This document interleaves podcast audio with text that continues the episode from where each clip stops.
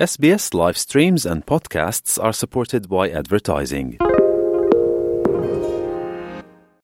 Вие сте со SPS на Македонски.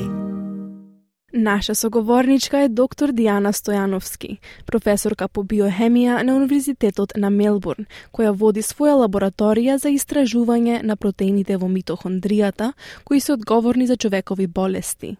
Како една од само неколку жени со своја лабораторија во одделот за биохемија, доктор Стојановски вели дека успехот го должи на поддршката од незиното семејство, како и на жените во науката кои ја инспирирале и го трасирале незиниот пат.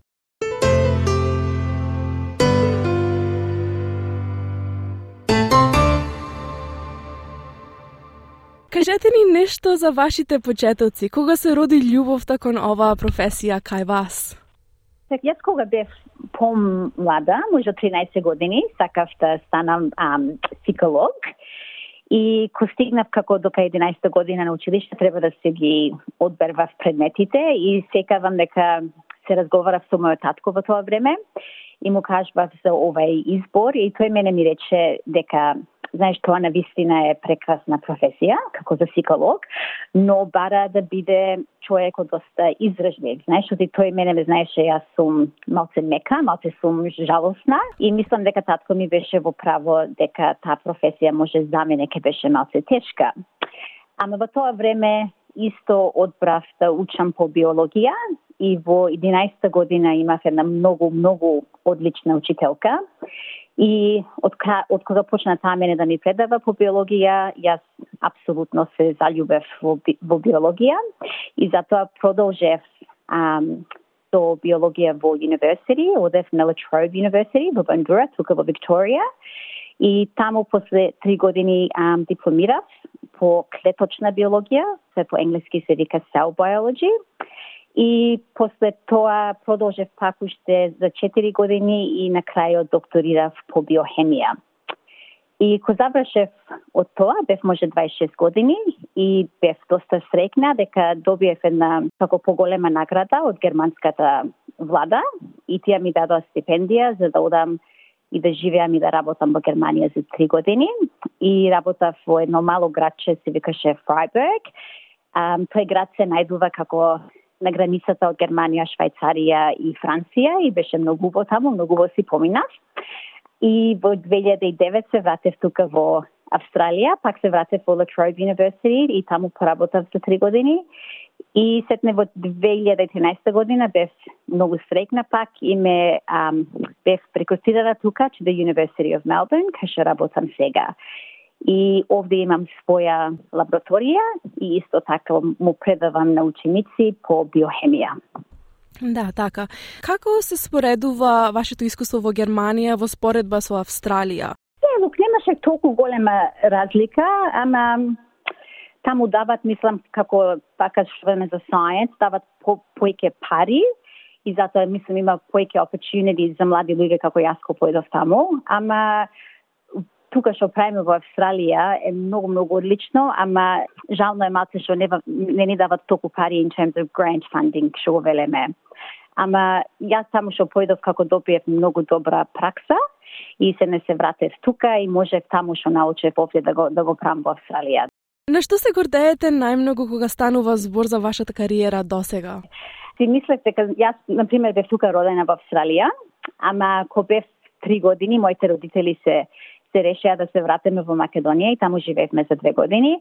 Ама ако се сторет пет години се вратевме тука во Австралија и се јас ко почнав на школа, на вистина не знаев ни еден збор по англиски и увек си мислам за тоа време и се гордам со колку сум постигнала со моето учење и сега со мојата работа а, покрај овие тешки почетоци. И, знаеш, многу од нас што сме како прва генерација австралијанци, не само од македонски фамилија, ама од, од другите сите мигранти што се доедени, мислам, многу луѓе имат тука ам, како стигнато до некој голем успех да. и тоа е доказ, мислам јас, на, нашето, на нашата напорна работа, ама исто така закажува за можностите што ги имаме тука во Австралија и секогаш се осекам стрекна, мислам дека родителите мои ам,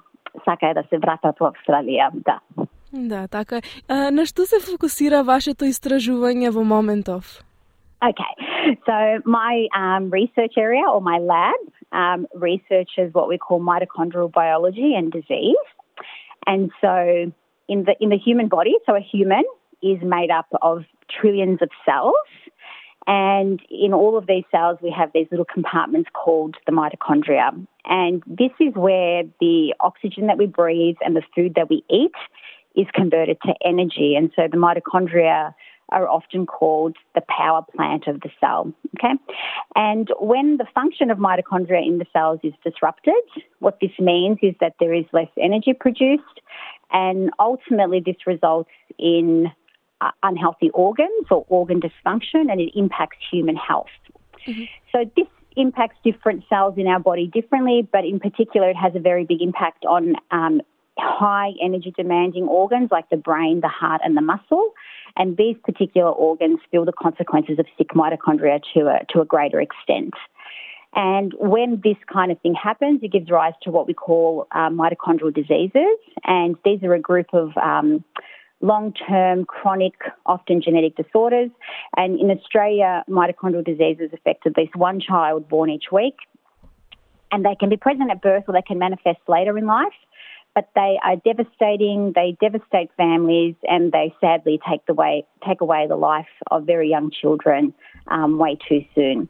And so our research tries to understand um, how mitochondria function in health but also the molecular details of mitochondrial diseases. Ова е генерална професија во која ретко има жени. Токму да. затоа, дали би сакале да ни откриете какво е вашето искуство во оваа индустрија во која доминираат мажите? Како се однесуваат вашите колеги, например? Mm -hmm. So јас кога почнав да, да се занимавам, да учам вака по биологија, по биохемија, ова е може пред 20 години, тоа во тој момент ретко се најдуваше жена професорка at university. И во целото моје учење, ам, јас мислам најдов најможе би две-три жени. Тие жени не беа многу, ама беа многу важни, затоа што јас ги погледав нив И јас разбрав дека ако можат тие жени да го сторат тоа, например да завршат доктор на науки, и јас можам. И ова е нешто многу важно, оти ако младата жена нема пример, таа нема причина да верува дека може таа да заврши нешто на тој степен, биди или за учењето или за работата. И јас сега разбервам дека сум ние велеме по англиски role model, можеме по македонски се веле модел за млади жени и јас го свајкам ова многу сериозно. И мило ми е што можам да кажам дека сега во 2022 година имаме постигнато на многу подобро место, има повеќе многу жени кои прифаќаат карија во науката. И за ова да продолже треба мислам јас да ги поддржваме нашите девојки, нашите керки, нашите сестри да имат прво верност во себе, дека тие можат да престигнат каков начин си сакат во низиниот живот. Кој е најголемиот предизвик со кој сте се соочиле? Јас кога си започнав мојата лабораторија, бев, ам, мислам 33 години, во 2013 година, и тоа беше баш времето кога си почнав ам, да си ги има моите деца, се моето семејство. И ова е, ова е време кога многу жени а, не се чувствуваат подржани и се, се откажуваат од својата карија. И навистина е, е многу тешко во тој момент и јас бев многу срекна оти првен. А, ги имав моите родители и тие многу се крижеа за моите деца Мислам и тие го направеа тоа за тоа што што ги сакае своите внучина, тоа е јасно, ама исто мислам ам, тие знаеа јас колку напорно работав со мојата карија и, и тие исто така мислам се бореа за да можам јас да си продолжам. Ама второ, моите главни на мојата работа беа многу разбирани и многу ми поможеа во тоа време. Јас бев првата жена во, во нашиот департмент мислам се веле одел по македонски, да. што имаше, што имав деца и сега пак ми е мило да кажам дека од тогаш имаме се уште четири жени што имат лаборатории и сите тие си имат почнато да си имат низиното семејство. Се мислам со секоја генерација um, има вакви моменти кога, кога секи не оде, мислам, понапред и подобро за, за женскиот пол во вакви работи. Да, така. Спомнавте на кратко, но каква беше реакцијата на вашето семејство на одлуката да станете yeah. научник? Моите родители, мислам, беа доста или многу прогресивни и секојаш ме поддржваа во моето учење и се не така исто ме, ме поддржваа во мојата работа. И, например, кога му кажавте дека ќе во Германија, а, памтам дека на мајка ми му беше многу жал, секојаш му е поеќе жал на мајката за децата, ама татко ми беше многу реален човек и тој ми рече, знаеш, нема никој што те запреме, а, треба да одвиеш и да си га искористиш ова чанса максимално. Се тие имаат секојаш големо верување во мене, јас имав секојаш едно како големо поштовање за нив, тие што имат престигнато во Австралија, како дојдени тука без ништо, без фамилија, без помош. И знаете, Појке како што старам, не сум толку стара, сум 42 години, ама со годините човек освајка, на пример, важноста на семејството и јас мислам, или не мислам, знам се колку бев стрекна со моите, не само родители и со брат ми, ама со блиската фамилија, со моите стрико и срини и брачеви, оти тие сите се гордеа со мене, со моето учење и тоа мене ми даваше сила да продолжам најпојке знаеш во тие моменти кога беше малце потешко и за тоа сум секогаш благодарна. Како го балансирате вашиот семеен живот со вашата кариера? Сега имам две дечина, син, син ми е 8 години, керка ми е 6. И мислам, кога беа децата помали, беше баш потешко, ама како што реков прега, бев многу срекна дека имав ам, многу помош од моите родители.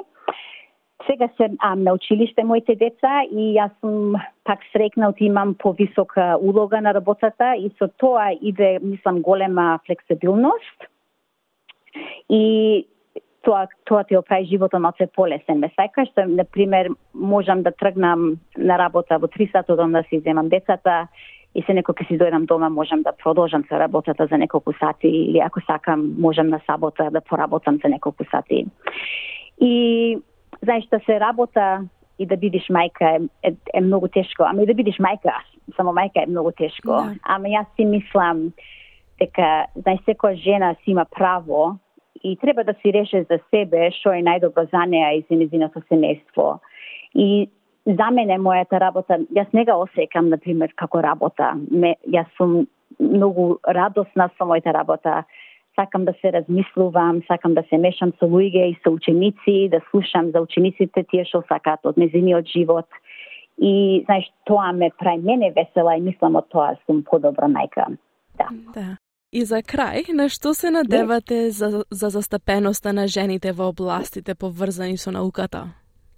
Има многу жени кои сега ам, се занимаваат со карија во науката и она што се надевам е дека можеме и треба да поставиме политики за да им помагнаме на жените а, да ги наминат тие тешки моменти во незините careers, например, кога си имат своето семејство.